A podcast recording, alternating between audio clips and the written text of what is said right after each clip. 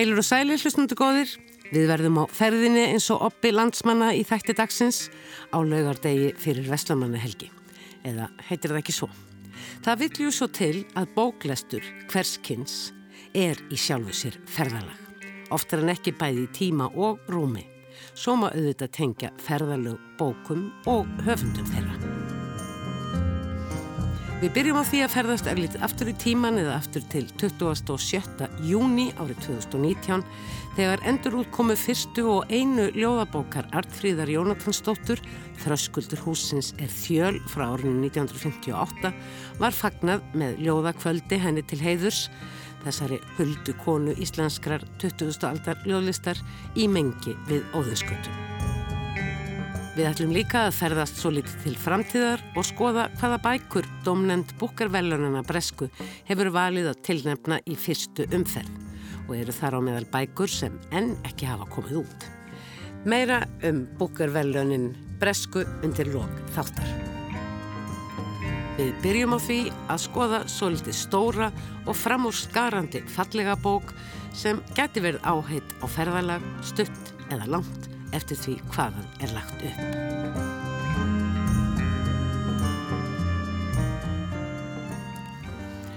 Eru stuttu bast þættinum bókasending. Nokkuð stór bók að umfangi og innihaldið ekki síður stort. Jafnvel réttar að segja það mikilfenglegt. Þetta er bókin Gjöfin til Íslenskrar alþýðu sem Kristín G. Guðnadóttir listfræðingur er höfundrað.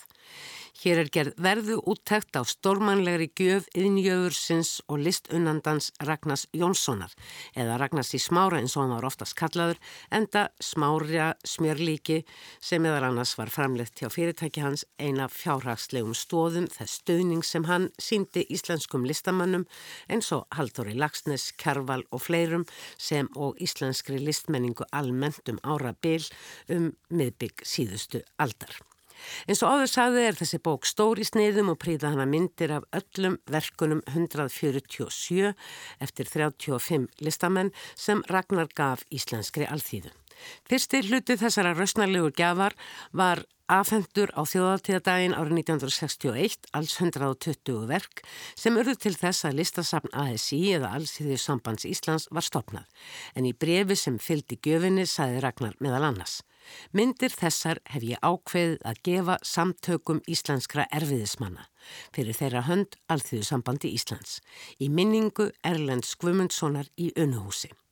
Erlendur og móður hans Una í svo kallið Unuhúsi við Garðastræti í Reykjavík var jú annar mikilsverður stuðningsmaður ungra listamann í Reykjavíkum meðja síðustu öld og hefur meðal annars verið gerður ódöðlegur af Haldóri Lagsnes í Atomstöðunni sem kom fyrst út árið 1948.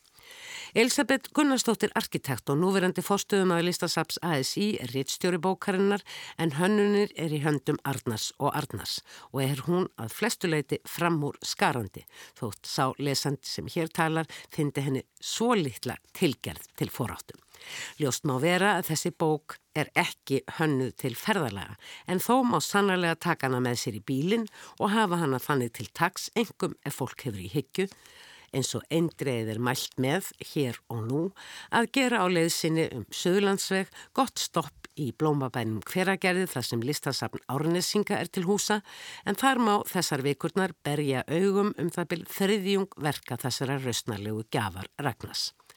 Á síningun er verk eftir þá fimm listamenn sem Ragnar í Smára mun hafa metið á sínum tíma sem þekktustu listamenn þjóðarinnar en það voru Áskrimur Jónsson, Jóhannes S. Kjarval, Jón Stefánsson, Gunnlaugur Skeving og Þorvaldur Skúlason og er á síningunni leytast við að miðla breytt viðfangsefna þeirra en allir máluðu þeir landslag en einni portréttmyndir bæði hver af öðrum og fleiri listamennum. Auk þess sem þeir fylgdu tíðarandanum og gerðu tilraunir til að leysa um hinn föstu form og leifa lítum að flæða. Það er mikill fengur að þessari bók, ekki síst vegna myndana af öllum listaverkunum 147 sem mynda göfina. Þá gerir og Kristín Guðnadóttir listfræðingur í stuttumáli einstaklega góða grein fyrir öllum þessum listamannum og eins og áður sagði er bókin einstaklega vel hönnuð. Hún er bundin og er bindingin laus frá sjálfum kjölnum svo auðveldir að flettenni og njóta myndana í fullri stærð ljósmyndana af þeim. Það jafnast þó auðvitað ekkert á við það að sjá myndirna sjálfar og því um að gera að renna við í listasafni árnesinga og njóta.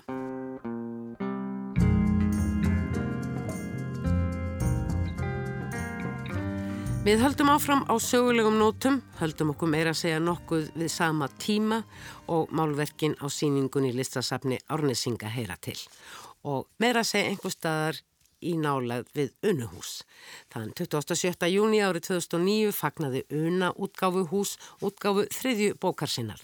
Þröskuldur húsins er þjöl eftir Artfríði Jónatansdóttur. Artfríður fættist árið 1923 og var því 35 ára gömur þegar þessi fyrsta og eina bókennar kom út. Hún hafði þá þegar byrt nokkur ljóð í blöðum og tímaritum og lesið upp í útvarp og er svo upptaka enn til. Artfríður les þar tvö ljóð, annars vegar tíu mínútna langt ljóð sem byr titilinn dagbókarblöð og ég hef ekki rekist á annar staðar og hins vegar ljóðið Rímustef sem hún byrtir einnig í ljóðabókinu Þröskuldur húsins er þjöl. Hlustum á artriði lesa ljóðsitt Rímustef, upptakan gerð 20. mars árið 1958, sama árið og ljóðabokkin kom út. Rímustef Tegldan hefi bát af orðum, tegldan mér svo hendi veltir hvíka völdum kíli, fáðum steini, viðjum veikum bundin.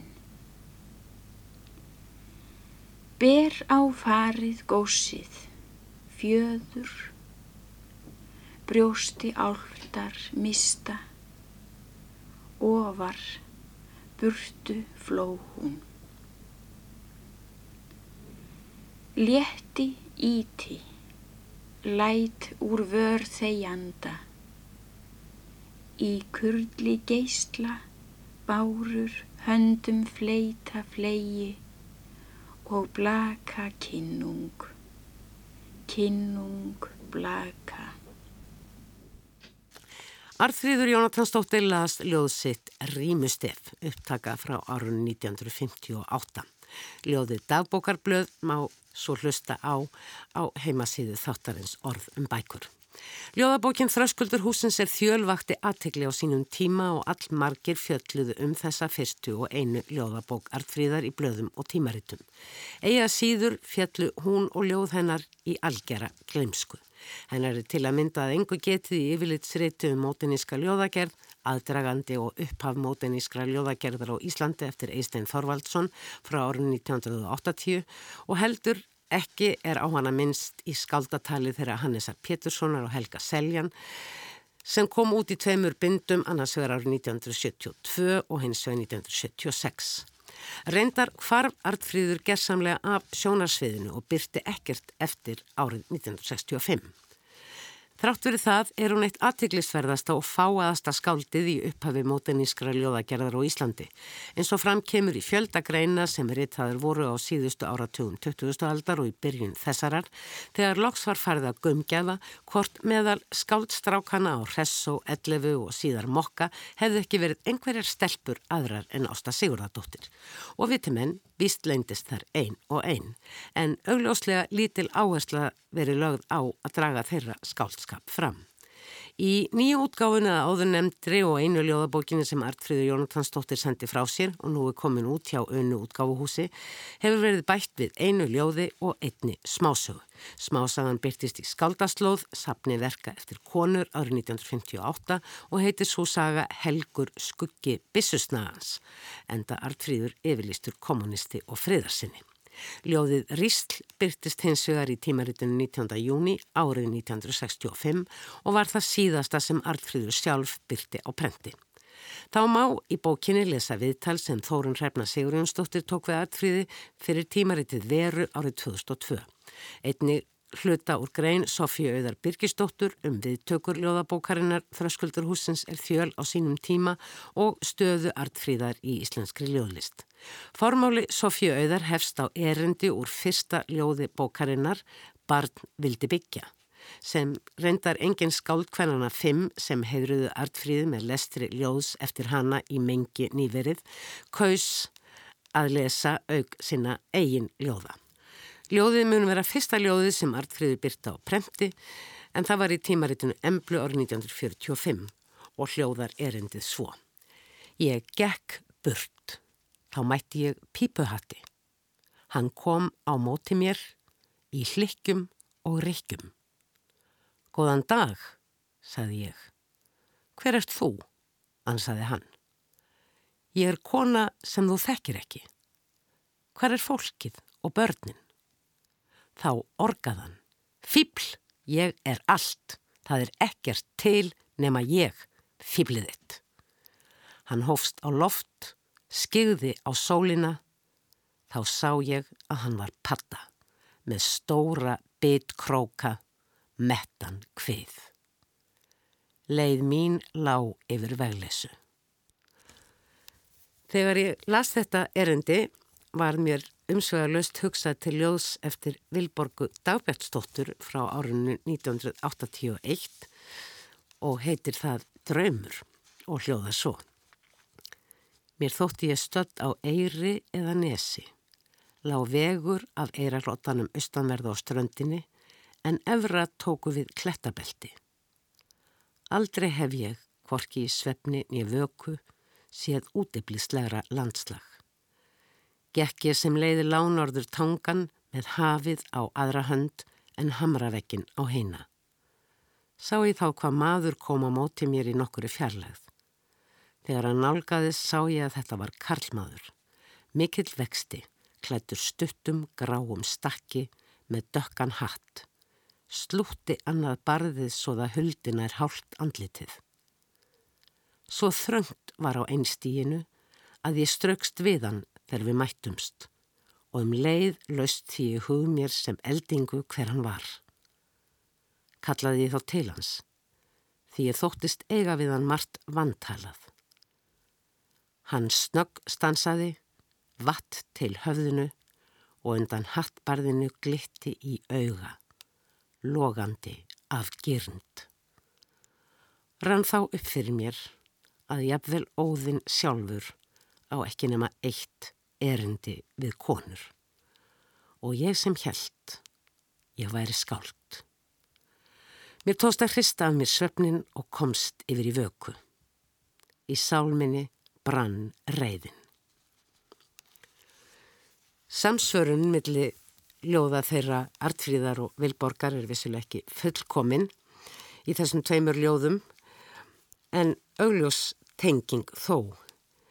Í báðum er það karlinn eða öllu heldur karlmennskan sem stendur í vegi, hæðir skaldkonunar og lítillækkar í lífskvetjandi viðleitni þeirra.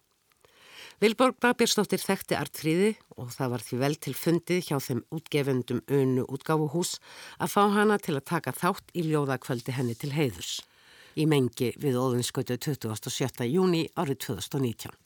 Ferðumst mánuð eftir tíman og setjumst niður með Einari Kára Jóhansinni og Vilborgu Dabirsdóttur. Vilborg, þú þekktir aðeins Artfríði, er það ekki satt? Vissulega þá þekkti ég Artfríði Jónatansdóttur mjög vel og móður hennar.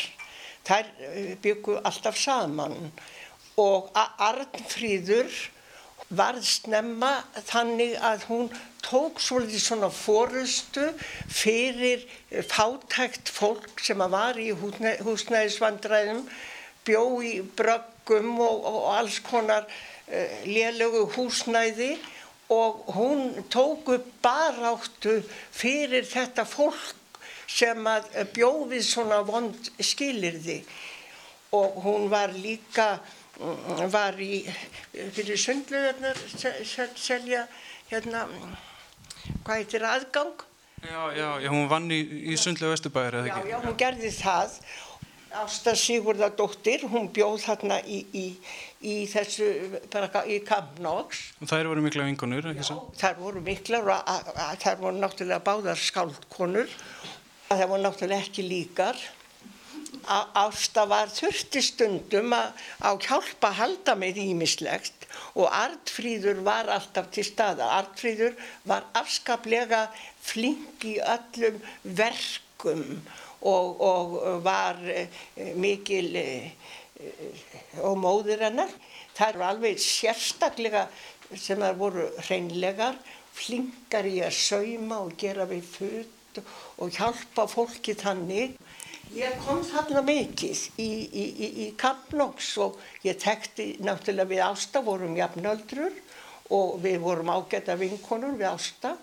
Artfríður, hún var flugáð og, og gott skáld og full af réttættiskend og, og, og hún var kommunisti. Við vorum það nú allar og þekktu mikið af kommunistum og þannig. Má ég spyrja þig, akkur heldur að Artfríður hafi gefið út bara eina ljóðabók? Eina ljóðabók vegna þess að hún eiginlega hætti að virka. Hún var búin að, hún, hún gerir það, það er mjög algengt með skáld að það bara hluta af æfisinni sem þau eru skáld. Það er eins og þeir klári sig og, og, og, og fara að gera annað og, hún, hún uh, var að gera allt mögulegt en á, á, meðan hún er að yrka þá var hún mjög gott skáld, mjög gott skáld en í, hún gerði einungist órýmuð ljóð og í svona frjálsu uh, formi. Svo gáðið líka út bók sem ég langar að sína hérna sem heitir Pennaslóðir sem kom Já. út 1959 Já. smásagnasaf Kvenna Já, þetta Og- var bók sem að vakti mikla aðtikli.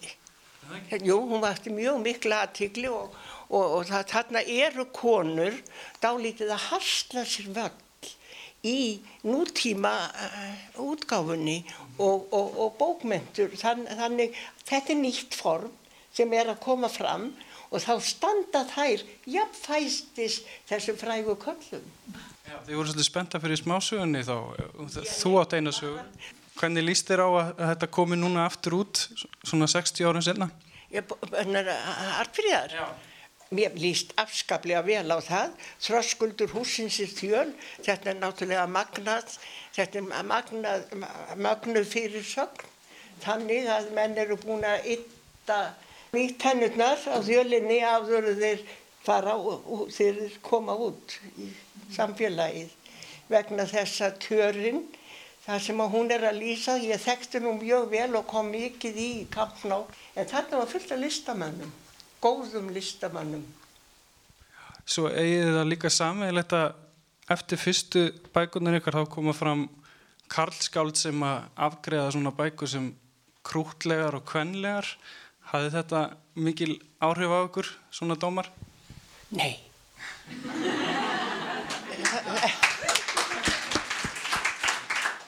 Kallar sem að halda það að þeir komist upp með það að umgangast konur eins og það, það, þeir eru nú dálti blindir. Herri, höfum þetta síðustu orðin og þú ætlar að lesa fyrir okkur eitt ljóð eftir artfríði. Ljóð er það? Lát hvarma skíla. Lát hvarma skíla augans hljóðu aðgátt, skugga óttans, barnið blundi. Syngi gullvín, sveiti viðarins, sólgleði, sáð tára, gullvín. Amma hefur lokið fiskbreiðslunni, skjalla hvíta fiskin, þvoði og breytti til þerris á stein. Amma hefur lokið fiskbreiðslunni, blunda þú barnið. Þeir eru naumast hættir að skjóta. Reykurinn úr byssuhlaupunum lippast yfir hæðunum, yfir vötnunum eins og út frimi. Syngi arður tára, sviði moldar, gleði sól, sof þú barnið, amma breyðir snemma, fisk til ferris. Takk kærlega, Vilborg. Við ætlum að fá fimm önnur skáld á svið til að lesa sín ljóð en líka alltaf eitt ljóð eftir Artfríði og við ætlum að byrja á henni Lindu Viljáns sem við öll hjá unnu erum mjög hrifin af. Svo gjör þið svo vel, Linda. Komið sæl. Ég ætla að byrja á ljóð eftir Art, Artfríði sem heitir Sjólag. Svo rennur öldu jórin, rennur Öldu jórin og öldu jór. Mundum engan eiga bróður, engan mundum eiga bróður. Brítur ekkið alda. Þetta er sem startfrýr. Og síðan ætla ég að lesa bara svona samtíning úr ljóðunum mínum, úr mínum kvenlegu ljóðum. Það fyrsta er í, úr fyrstu bókinu minni Bláþræði sem kom út árið 1990 og heitir Fyrirmæli höfundar. Og stúlkan í ríkfallna blundukjólnum og ballettskónum þrammar einn ringin enn meðan tíminn blánar og rósin fölnar.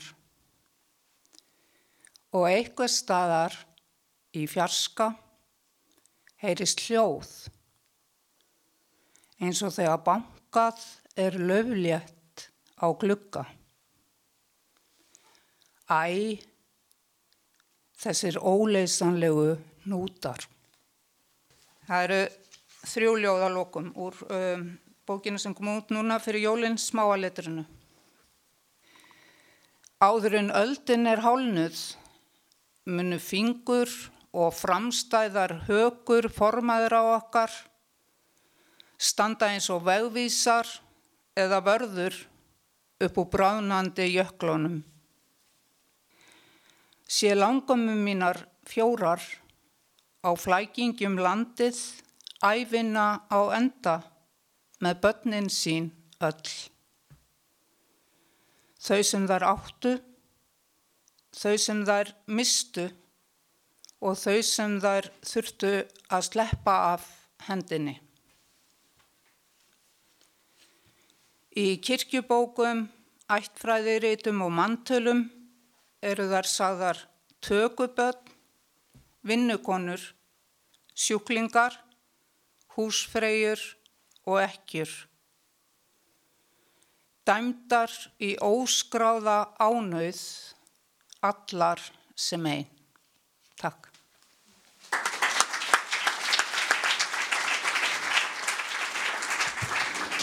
Við þakkum Lindu fyrir þetta magnaða ferðalag um höfundaverkannar og mér langar bara að segja að við hjá unnu við bara fjallum í stafi fyrir Flórida sem kom út, ljóðabók sem kom út fyrir hvað tveim árum held ég. Og við vildum endilega fá hana Bergþóru Snæbjörnstjóttur til að lesa fyrir okkur, ekkit endilega úr þeirri bók, bara gjör þið svo vel, Bergþóra. Takk bara frábært að fá að vera hérna með ykkur í kvöld og mér langaði að oska unnu bara til hamingu með hérna útgáfuna og, og þetta frábæra framtak. Ég ætlaði að lesa sem sagt tvö vers úr hérna lengra ljóði og ljóði heitir Læstir dagar og ég ætla að byrja á öðru, öðru versi, öðru erindi.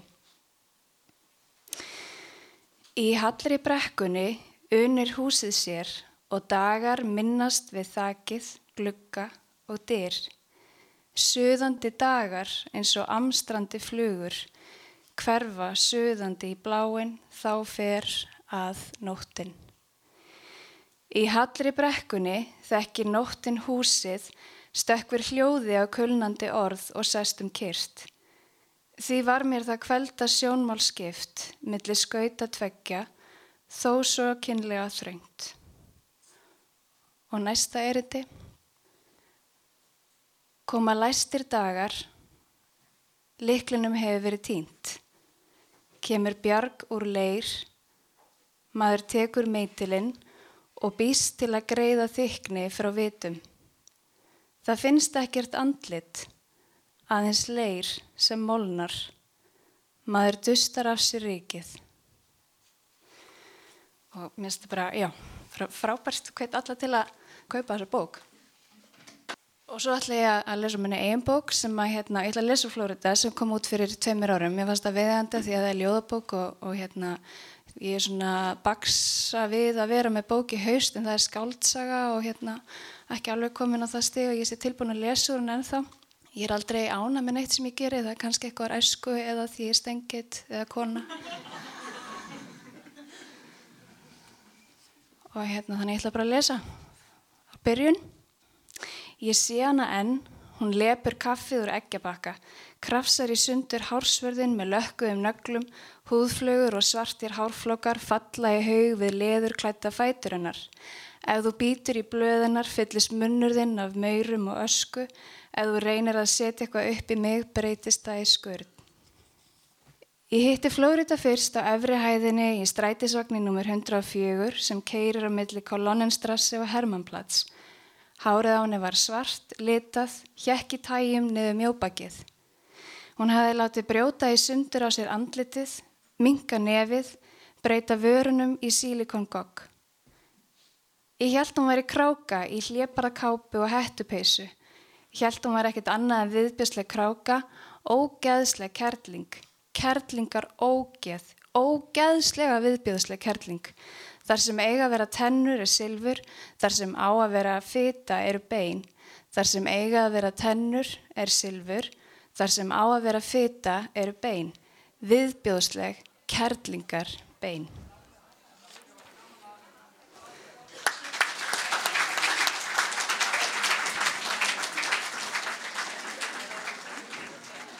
Fríða Ísberg er næsta svið. Hún uh, sendi frá sér slittföruna fyrir tveim árum og sló í gegn með kláða fyrir síðustu jól. Uh, fyrsta bókin er ljóðabók, hinn eru smásögur og hún ætlar að gera eitthvað stórkastlegt. Gjör það svo vel, Fríða.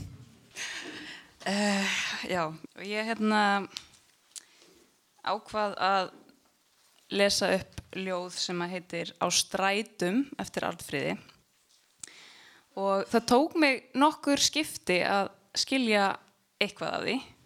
Og hérna og ég var að pæla í að kannski krifja það með ykkur. Og ég var að hugsa sko að lesa upp einu sinni núna og síðan taka lið fyrir lið og fá felt og samþygt frá okkur. Á strætum. Á strætum hef ég sapnað handfylli minni af leir ver eigi þögull sem af hljóði hverfist í ljósmál blaktandi hljóms.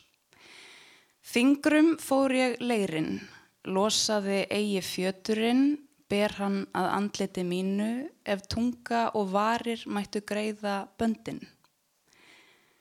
Dilst eigi Guð sem skyggir harmbrósi söngin, er um dagsetur, hreyfði strengi andalúsíunar.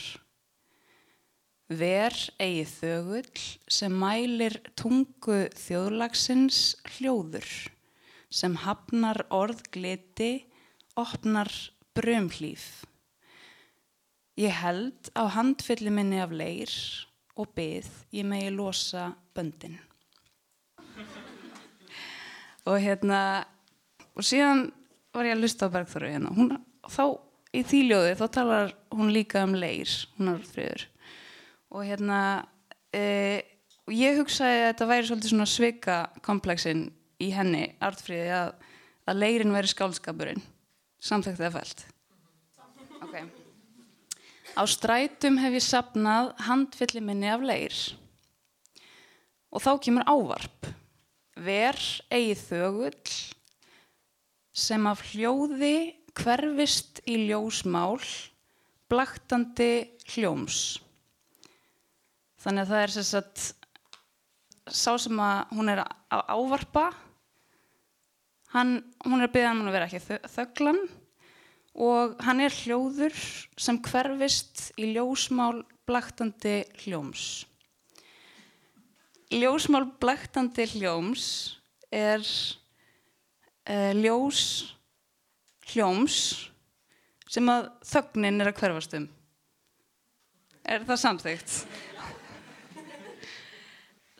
já, þú veist, þannig að hún er að ákalla einhvers konar andgift eða þú veist, og skáldskapin held ég. Fingrum fór ég leirin losaði eigi fjöturinn. Þannig að bönd, hérna, svona hennar höft og fjötur, fjöturinn hérna losnaði ekki.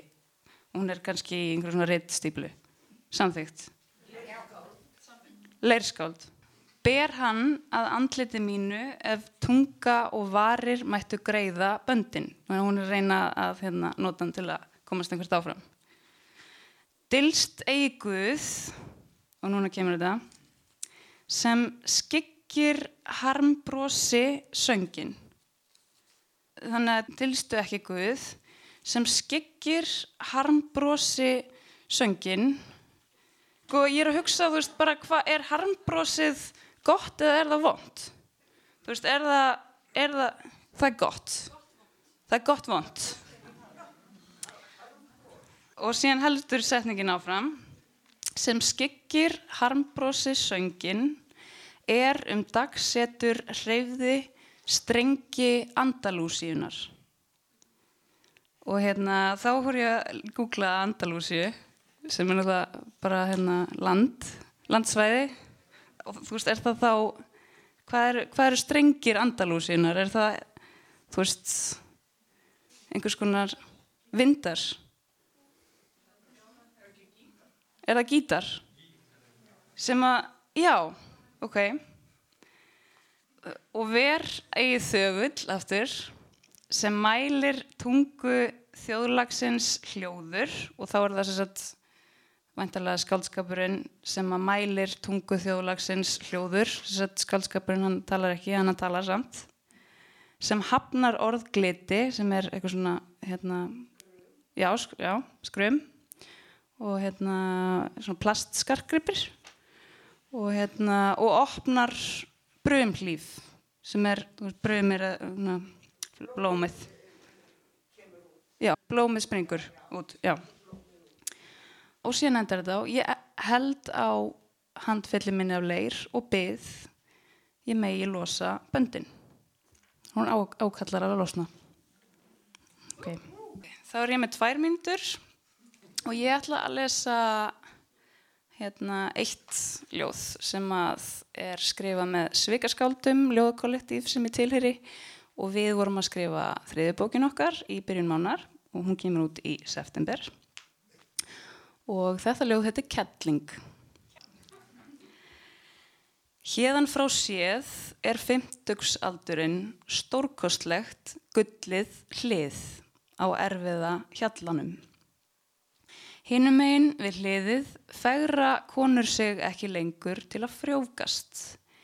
Þeia ekki lengur í óta um að verða óvart ljótar. Frjóseminn færist úr stað úr leginu upp í brjósthólið, losar um hömlurnar, leifir konu að segja allskonar, að henni finnist brúnt og grátt ekki fara saman, að Picasso hafi verið fáviti. Hennar eigin orð ásækjana ekki lengur, gogga ekki í höfðáni eins og krýjur yfir varpi, heldur fleia sér fram af glettinum eins og lundapesjur sem líta aldrei tilbaka. Takk. Takk kjærlega Fríða. Ég held að skáldi sem er næst á svið sé eitt ferskasta skáld í Íslands á þessum tíma og það er Brynja Hjalmsdóttir. Gjör þessu vel. Mikill fengur að fá bókina þriðar uh, útgefna. Og langaði að lesa fyrst eitt hérna sem að kemur fram í þessu viðtali sem er í lokbókarinnar sem að Artfríður segir, hún er að tala um sérst pólitík og hvar hún er stöðið í pólitíkinni og að skáld náttúrulega í hennar tíð hafi skilgreint sig uh, öðru hvoru megin, hægra eða vinstri. Og hún er uh, uh, kommunisti eins og hefur hér komið fram. Og hérna og hún er spurð hérna, ertu enn á sama báti í pólitík? Já, ég er á sama báti og hef alltaf verið á þessum eina báti í gegnum tíðina, aldrei flegst á milli skipa.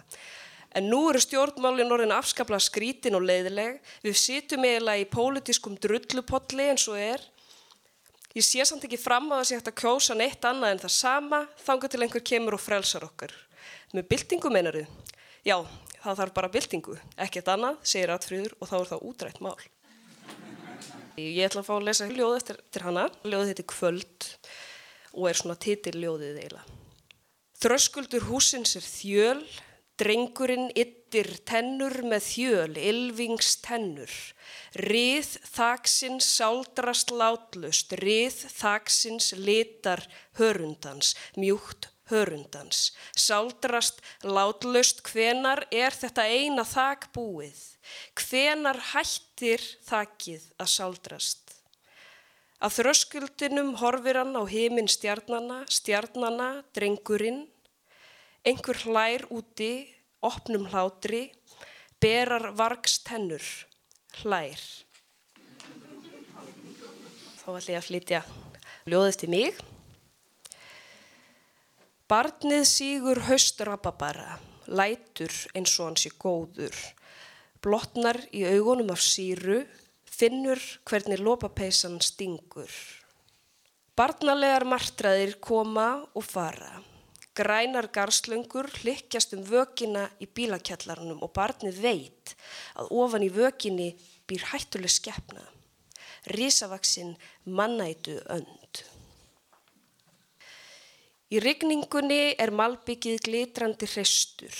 Þess vegna veitir því engin aðtikli þegar gríðar stór svört slanga skrýður upp úr hafinu og ringar sig út um flugöllin í skerðafyrði.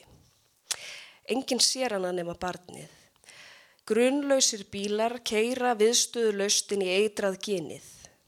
Um nætur óskar slangan þess að hún veri stúlka með fætur í gulum stígvilum sem horfir á flugvilarnar sofa, nýtir fingurna fasta í výragerðinguna, hefur sig á loft.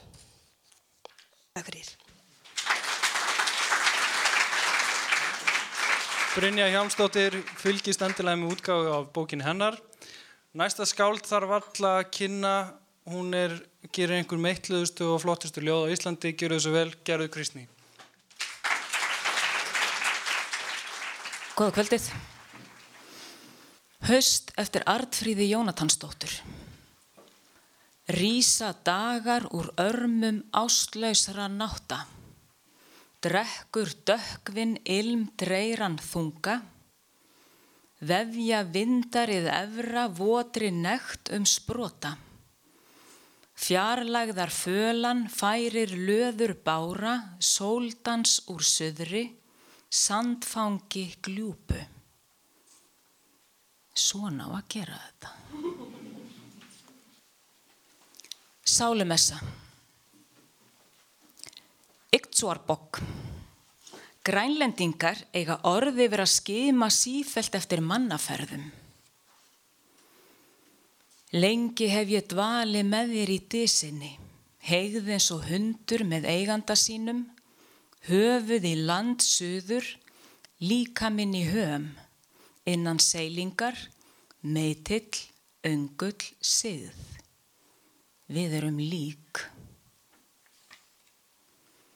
Bærin kvikur af ljósum og leik, beðið var komu jólabartsins, förin þegar hafin yfir heiðina, leiðin sópuð með grenigreinum. Stjörnur úr járni líst upp stræti, skýði ristu hlýðar. Pollurinn lagður svelli, það kvein í ísnum undan skautum barnanna eins og nýf væri brugðið á bríni. Hús þitt hljótt og myrt, sveipað djúpum svefni, grílukerti, uksu fyrir glugga. Þú horfir út um viðtentan skolt vetrarins. Röttin drafandi, auglokin rökkur þung. Þú skrifaðir söguðína blekvættum barnálum um bróður sem lagði lífðitt pínu. Hann leitaði á þig þegar hann kendi þér að lesa. Ása sá sól, Ari rólar, þú ótaðist að það sama byði barna hans. Ekkert heyrðist í þér í þorpinu, þar sem varnargarðurinn beit af sér brimið en veitti þér aldrei skjól.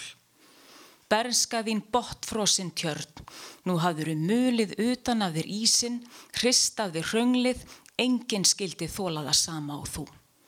Oft hafður þau reynd að flýta fyrir þér, nú sastu þarna umlukin eigin myrkri. Bringan bærðist ekki, andardrátturinn ógreinilegur. Úti kölluðust krakkar á, það rofaði til í svefninum. Börn, það besta sem þú vissir. Eitt andardag sást hver þú hefðir getað orðið. Múrma, í vakimannmálinu er til orð yfir að leita í vatni með fótunum. Það vantar orði við tíman sem það tekur harm að hjáðna. Undir sorgar fargi, djúb, gjóta, gengur sundur og saman, breyður liði og bein, skoltur á mannígu dýri. Nóttin kvekti á kólu dísin gránuð skími, skímu. Eitt steitt frá hverjum þeim sem fór hjá, heiundur höfði, beinin máð af þukli. Helvíti, hér er sigurðinn. Dauði, hér er brottur þinn. Nafnvitt næður um huga minn, liðast niður í munn, tefst á tungu, bráðnar á brotti, sleppur aldrei út. Það er dýrst að vera dáin. Steinun á sjönda á skuldaði leigu, landskuld, ljóstoll. Fólkið þitt var daburt, það vildi launin þín, það síðasta sem þú vannst þér inn. Það er dýrst að jarða, sagði það. Þú skildir sjálf kaupa þér kistu nafn bróður þíns undir dánartilkynningunni.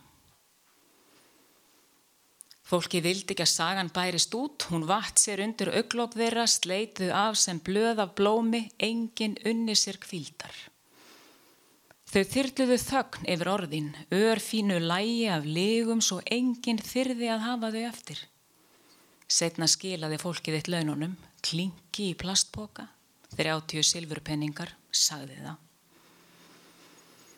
Vissulega varstu mannsdóttirinn sem var fórnað. Sagan þín byrtis og hver sem á hana trúir glatist ekki. Hillið dótturinna þið dómarar á jörðu.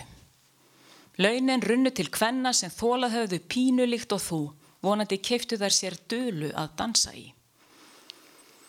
Lífið reisti þér myrkur kirkju hvar þú máttir næði snjóta naflausa fórnarbarn úr reka viði, soknum skipum bekkir úr ekka, bláir fingur fálma eftir salmabók, andköf stíga úr kórnum, hundruð hausa syngja þér sálumessu, stjag settir strúpar. Það vantar orði við snjóin sem sest á örgranna grein bjarkar í stingandi stillu. Það vantar orð.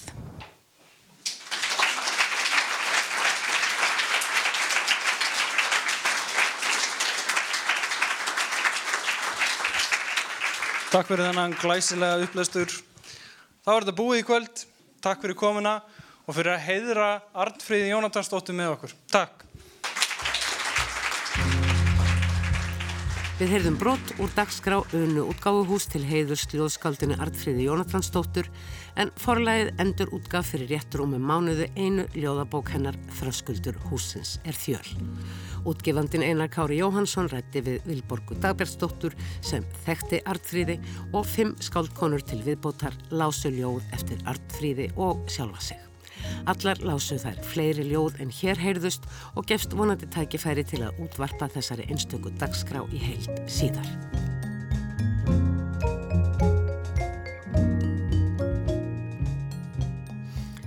Það getur verið gaman að fara í ferðalagum ólesnar bækur, ferðast á vangjum eftirvæntingarinnar að segja má og það vekur alltaf eftirvæntingu þegar í heiminum eru byrtir listar yfir bækur sem í tengslum við ákveði tímabili eða ákveði samhengi lenda á listum sem eru gerðir ofnbyrjir.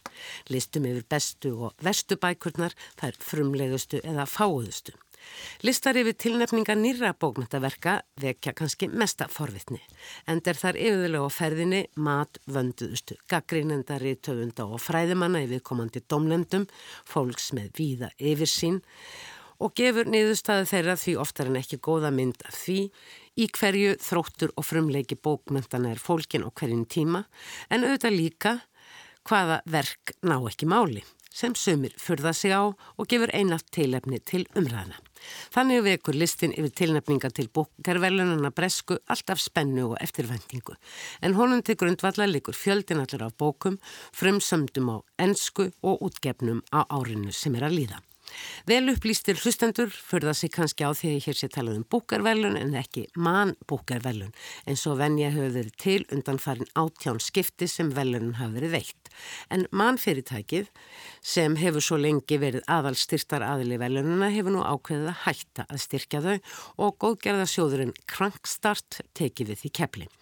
Sá leggur vist ekki áherslu á að verðlunin sé við þessi kent heldur skulið þau í hans styrsta tíð einfallega heita búkarverðlunin.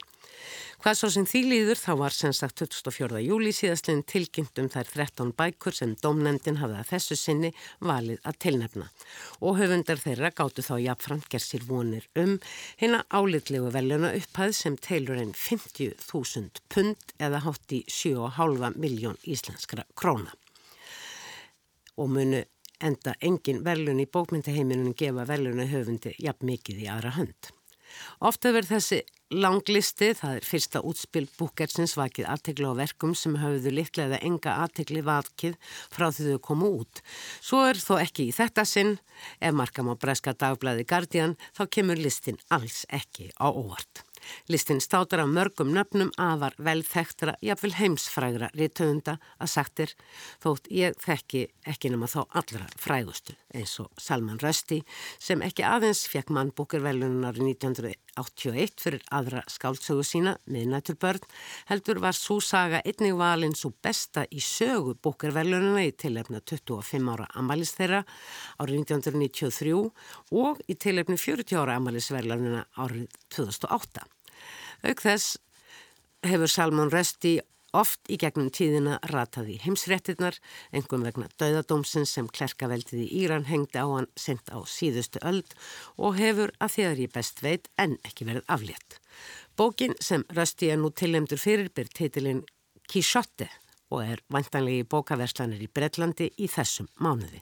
En svo hljómu titilsins ber með sér er hér á ferðinni verk sem vil tengja sig við eina frægustu skáldsögu heimsins, Don Quixote Cervantes.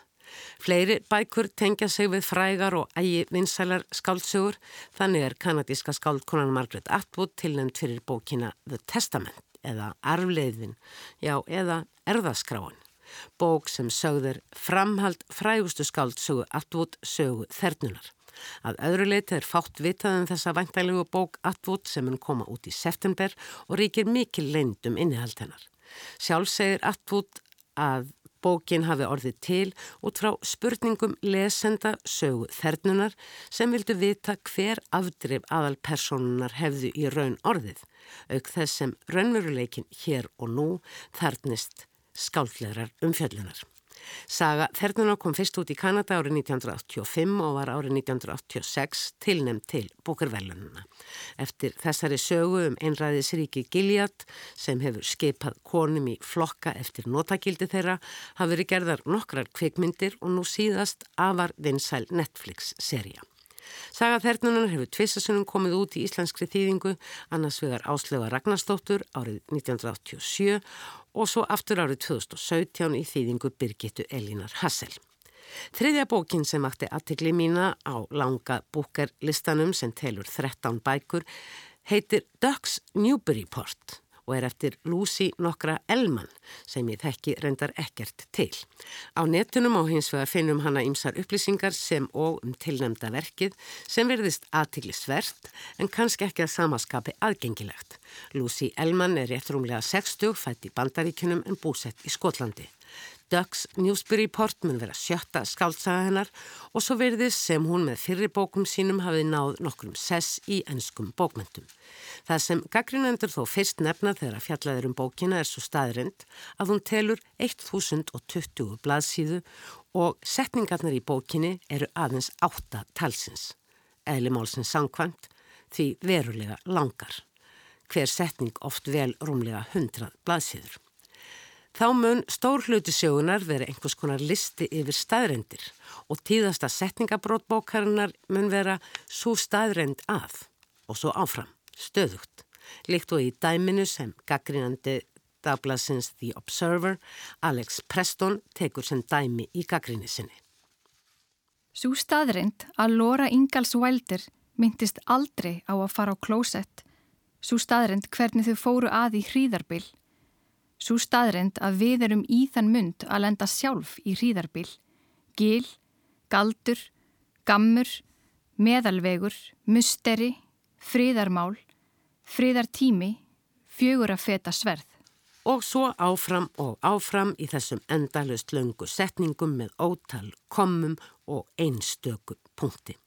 Alex Preston telur vissuleg ekki rétt að láta þess getið í gaggrina á þessa ofur mótanísku frásögn að höfundurinn Lucy Ellmann sé dóttir Richards nokkurs Ellmann sem er afar virtur fræðimaður á sviði bókmenta og hefur meðal annars er eitt af æfisögu James Joyce. Því Lucy Ellmann standi vissulega sjálf undir þeirri viðurkenningu sem bækur hennar hafa notið. Varðandi Ducks Newsbury Report þykir honum hins vegar rétt að geta þessa fadernis höfundarins því hér sé á ferðinni engar einn dregin framhaldsþróun á því sem helst enkendi hinn að nýju gerð skáldsagna mótenismans á sínum tíma með einmitt James Joyce í fararbrotti. Lucy Ellmann íti, segir Preston, staðfastlega mótenískum frásagnara máta vitundarflæðisins fram á istu nöf um leið og það verða að segjast að texti hennar sé skemmtilegur. Og Preston minnir þá einni á fyrri bækur Elman, súrar séu þar, já, hann notar enska orðið acidic. En, heldur áfram, þær eru líka allar mjög fyndnar. Þessi nýjasta rúmlega þúsundblands sína bók sé eins og allar fyrri bækur Elmans tekna saman í eina heldur hann áfram. En án þeirrar sögu sem sögð er í hverri og einni þeirra. Við lestur nýju bókarina sem nú er tilnæmt sé þó sögu að finna en það þurfa að hafa nokkuð fyrir því að greina hvað raunverulega sé hluti af sögunni frá söðinu í textahildinni. Bókin Ducks Newsbury Report gerir með öðrum orðum talsverðar kröfur til lesandans og reynda svo miklar að því er virðist að Blómsbury forlæði sem fram til þessa hafi gefið út bækur Elman neytaði að gefa þessa bók út. Gagrinandin hefur skilning á þessari afstöðu fyrra útgefanda og hefur áhyggjur af því að engin bók sé nógu góð til að vera þetta löng og að 98% lesanda eigi vantanlega eftir að hendinni frá sér og segja hana reygin þvælu á meðan þessi 2% sem eftir eru og halda út munu sjá að þetta er bók um ringulreið vitundarinnar og uppgerð, jafnvel tilgerð hinnar höfbundnu frásagnar. Í stuttumáli segir Preston, segir þessi saga frá miðaldara konu í Ohio fyrir mentaskólakennara sem er að ná sér eftir að hafa greinst með krabbamenn. Hún hefur dreyið sitt í hljésin í eldhúsi sitt þar sem hún bakar bökur og malar út í það óendanlega um líf sitt og barna sinna um það sem hún saknar og það sem hún yðrast. Hugleðingar hennar og frásagnir eru svo reglulega brotnar upp með stuttum innskotum frá sjónarhóli fjallaljóns. Ekki tókst Alex Preston gaggrinanda að eigin sögna átt að segja á tengslum þessar að tvekja frásagna en á endanum nærvist elsta dóttir sögukonunar sambandi við fjallaljónið. En kannski skiptirinn eiginlega að saga ekki öllu máli heldur einmitt eins og sögukonan bendir við stá, svo staðrend að við náum aldrei alveg utanum það sem hræðrist í vitund okkar. Heldur verðum til þess að lifa af að streika ótal hluti út. Heili okkar er stöðugt að, hugsanir okkar stöðugt trublaðar af minningum, draumum, ímyndum, senum úr kvikmyndum sem við höfum séð og bókun sem við höfum lesið. Og það er það sem skáltsaðan Ducks Newbury Report er að reyna að ná utanum. Nefnilega þann raunveruleika að vera fastur í fangelsi hugsanana. Svo er bókinn vist líka full af listum, gamlum söngvum, barnagælum, jamt sem poplögum, enda mikilvægt að halda þessu öllu til haga, skrá á lista. En listar hjálp okkur vist til að trúa því að lífið haldi áfram að eilifu. Niðurstaða gaggrinandans Alex Preston er svo að hér sé á ferðinni fullkomlega einstætt verk sem skilji eftir sig mikið tómarum að lestri loknum. Ekki veit ég hvort ég á eftir að lesa þessa bók, eða hvort ég láti mér næja að hafa lesið og ég lesa jafnvel aftur síðustu bækur Ófegs Sigurssonar. Ræði til dæmis eða heklugjá en lýsing Alex Prestons skakrinanda The Observer á bókina Ducks Newburyport eftir Lucy Ellis sem árið 2019 er í fyrstu umferð tilnæmti búkuveluna kallaði þessar síðustu bækur ófegs fram í huga mér. En það er hannu saga og ekki til umræðu hér og svo sem ekki heldur að gömgæða allar bækur hins langa búker tilnefningalista. Þó langa með að minnast á að tyrkneska skáldkonan Eilíf Shafak komst á þannig langa lista með nýja bók sína 10 Minutes 38 Seconds in the Strange World sem er fyrsta skáldsaga Eilífar sem skrifið er á ennsku. Eilíf hefur á síðustu árum vart verið líft í heimalandi sínu Tyrklandi og ítrekkað mátt svara fyrir afstöðu og lífverðni persóna í skáldsögum sínum fyrir domstólum. Líklega hefði þessi nýjasta bók hennar ekki fengið að vera óareitt frá hendi tyrkneskra stjórnvalda hefði hún komið út þar í landi en það fjallar hún um vændi í sinni myrkustu mynd og samfélagslegt samhengi þess. Íslenskir lesendur gætu kannast við nafn Elívar Shafak því árið 2014 kom skáltsaga hennar heiður út í íslenskri þýðingu yngunar ástísardóttur. Látum hér staðanumið í hinnum langa tilnefningarlista púkaverlununa Bresku og býðum róleg fram í september þegar búi verður að velja höfunda þeirra bóka sem helst til greina koma. Velunin sjálf verða svo aðfengt í oktober. Hinn alþjóðlegu búkurvelun voru hins vegar aðfengt þegar 25. mæ síðastliðin umfjöllunum þau geymum við okkur þar til að viku liðinni. Orðum bækur verða ekki fleiri að þessu sinni. Takk fyrir að hlusta. Verði sæl.